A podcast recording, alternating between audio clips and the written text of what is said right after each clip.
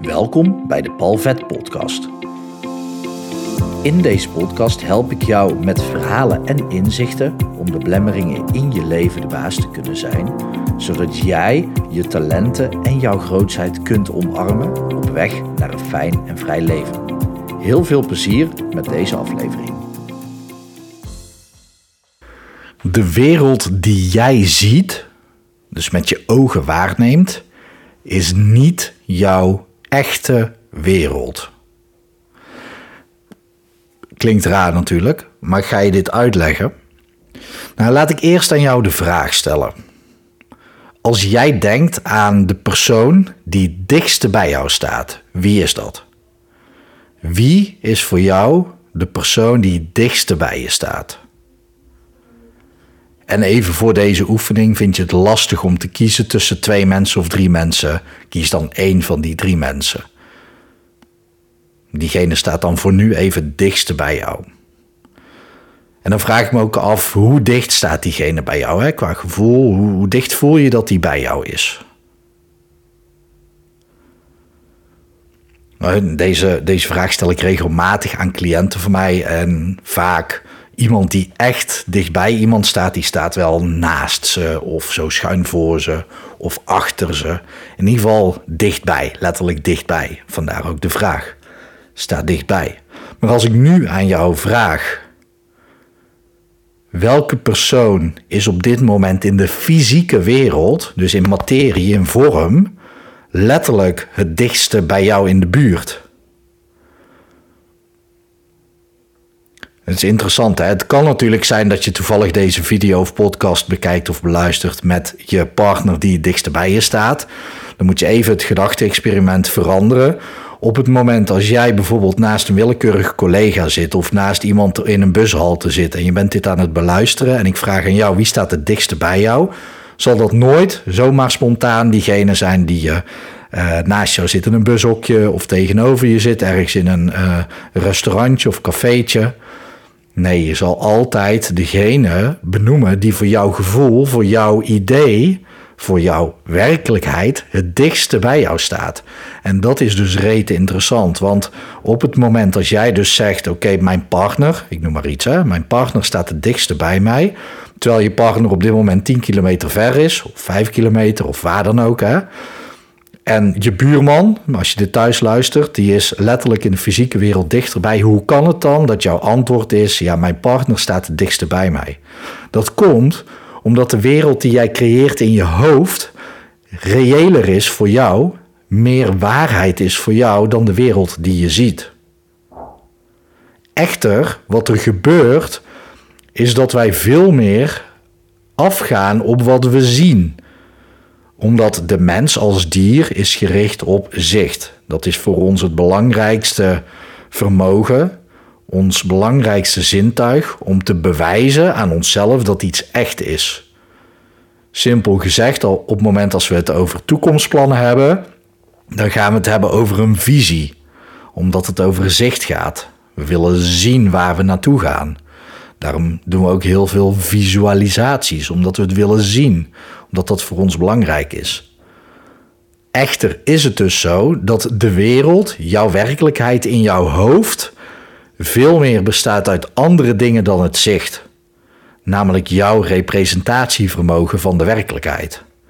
En dat is geniaal, want op het moment als de wereld die jij dus om je heen ervaart niet kloppend is met wat je ziet, hoort, voelt, proeft en ruikt, dan gaat het dus over het representatievermogen van jou, van de ik in jou. Wie is ik is dan natuurlijk een belangrijke vraag om te beantwoorden.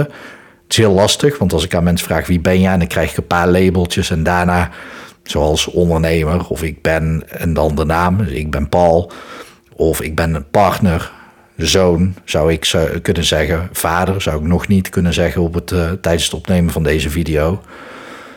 Dat soort labeltjes ga ik dan doorvragen. Oké, ik ben energie. Oké, wie ben jij? Hogere zelf, God, de bron. Het is maar net waar je op uitkomt. En dan gaan mensen naar een metapositie. Dus wie is ik? Wie is de ik die dat representatiesysteem activeert om die werkelijkheid te creëren? Dat is een mooie vraag om daar eens over na te denken. Je zou kunnen zeggen dat is je hogere zelf die dat doet. In ieder geval niet je brein en ook niet al je zintuigen. En waarom dit zo belangrijk is om te beseffen, is omdat heel veel mensen juist afgaan op wat ze zien. Het nadeel is dat alles wat jij waarneemt met je zintuigen, wordt voor een heel groot deel, 99,9%, wordt gefilterd. Dus je ziet letterlijk een hele hoop dingen niet. Je neemt het niet bewust waar in ieder geval. Jouw representatiesysteem in jou bepaalt wat je ziet. Want als ik jou vraag, stel je voor in gedachten hoe jouw auto, auto eruit ziet, dan zie jij jouw auto. Als ik jou vraag om in gedachten te nemen hoe mijn auto eruit ziet, dan heb je geen idee. Dus jouw voorstellingsvermogen in jouw brein creëert jouw werkelijkheid op basis van wat je weet en kent. Maar ook op basis van de patronen die je allemaal hebt geleerd. Nou, waarom is dit zo handig om dus te beseffen dat iemand dicht bij je kan staan terwijl die fysiek niet aanwezig is? Omdat dus alles wat jij in jouw buitenwereld letterlijk wil veranderen, moet je veranderen in jouw binnenwereld. Want op het moment als iemand dichtbij je staat en dat vind je niet fijn, dan kun jij dus die persoon letterlijk in gedachten in jouw representatiesysteem op een andere plaats zetten, zodat jij er geen last meer van hebt. En op het moment dat jij dat doet in gedachten en je hebt last van iemand en je zet diegene op een andere plaats, dan zal je merken dat je daar geen last meer van hebt. Misschien heb je wel last van iemand die je dierbaar is, omdat je die bijvoorbeeld voor je zet. Heel veel mensen doen dat. Die zetten een dierbare voor zich neer, terwijl niet iedereen, maar veel mensen leven van achter naar voor. Achter je, je verleden, voor je je toekomst. Zet je iemand letterlijk voor je neer, dan belemmert diegene jouw toekomst. Ook al is het een dierbare, ook al hou je zielsveel van diegene, dat is niet de plek om diegene te zetten. Verander de plaats in gedachten van die persoon en je toekomst is vrij en jij bent opgelucht. Waarom? Omdat het jouw representatie is van de werkelijkheid die veel meer reëel is dan dat wat je ziet. En dat is lastig, omdat wij dus dieren zijn die afgaan op dat wat we zien. Dus wat jij kunt doen is veel meer visualiseren en in je visualisaties meenemen dat je bepaalde dingen of mensen juist wel op een plek dicht bij je wil hebben en andere niet. En daar kun je dus mee spelen. Op het moment dat jij dus gewoon je ogen sluit en gaat bedenken hoe jouw werkelijkheid er momenteel uitziet. Dus met je ogen dicht kun je ook makkelijker dat representatiesysteem oproepen, omdat je dan niet meer wordt afgeleid met of door wat je om je heen ziet. Dus je sluit je ogen en je bedenkt: oké, wat staat er allemaal dicht bij jou? Welke dingen zijn fijn en kloppend die dicht bij je staan, en welke dingen staan dicht bij je die niet fijn zijn en niet kloppend? En dan ten tweede, welke dingen staan ver weg die fijn zijn, lekker laten staan. En welke dingen staan ver weg waarvan je denkt, hey, die wil ik juist dichterbij hebben. Die kun je dan gaan verplaatsen. Dus verplaatsen dingen die dichtbij staan naar verder van je vandaan. En verplaatsen dingen die verder van je vandaan staan, die je juist dichterbij wil hebben, naar dichterbij. En dan zal je merken dat dat letterlijk in jouw werkelijkheid ook veranderd zal zijn, meteen, instantly. Dus jij verandert jouw binnenwereld en instantly is je buitenwereld ook veranderd. Alleen het nadeel is, dan ga je af op zich. Dus op het moment dat jij denkt aan, oké, ik zou dat bepaalde huis willen voor mij en mijn gezin of wie dan ook, hè. En je bedenkt dat en je haalt dat huis dichtbij en je opent je ogen en dat huis is niet letterlijk voor je neus, dan ga je weer af op zicht.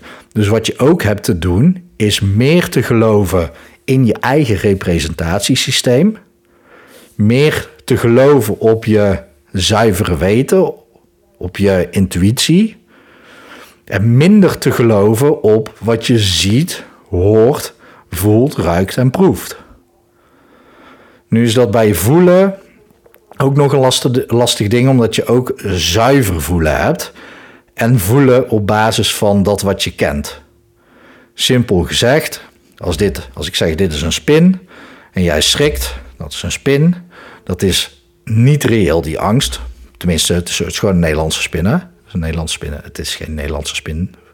Voor de mensen die, uh, die luisteren. Ik hou gewoon een zakje met een... Ja, wat is het? Aanwijsdingetje. Een uh, presentatiestikje. Houd ik voor de camera. Dus dat is geen spin. Maar hè, stel je voor, dat is een, een Nederlandse spin. Dan zou je niet bang voor hoeven te zijn. Maar jij voelt angst. Dat is een nadeel van gevoel. Die angst is ergens ontstaan. En waardoor je bang doet voor spinnen. Je doet angstig voor spinnen. op het moment dat je zuiver gaat voelen, dan voel je ergens diep van binnen dat er geen angst is voor die spin.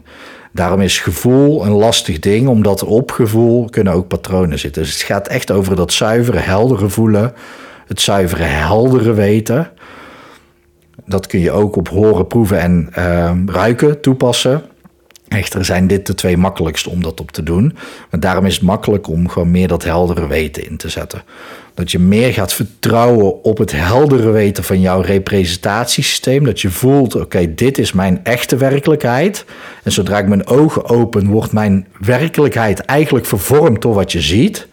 Op het moment dat je dat gaat omdraaien, je gaat veel meer op jouw binnenste representatiesysteem focussen, daarmee werken, dan zal je ook merken dat dat wat je ziet en alles met je andere zintuigen automatisch ook zal veranderen. Dus ga daar maar eens mee spelen en onthoud dus dat de wereld die je ziet niet jouw ware werkelijkheid is op dit moment. Succes. Ik hoop natuurlijk ook dat het goed gaat met jou. Ik hoop dat het goed gaat met dierbaren van je. En ik wens je ook nog een mooie dag toe.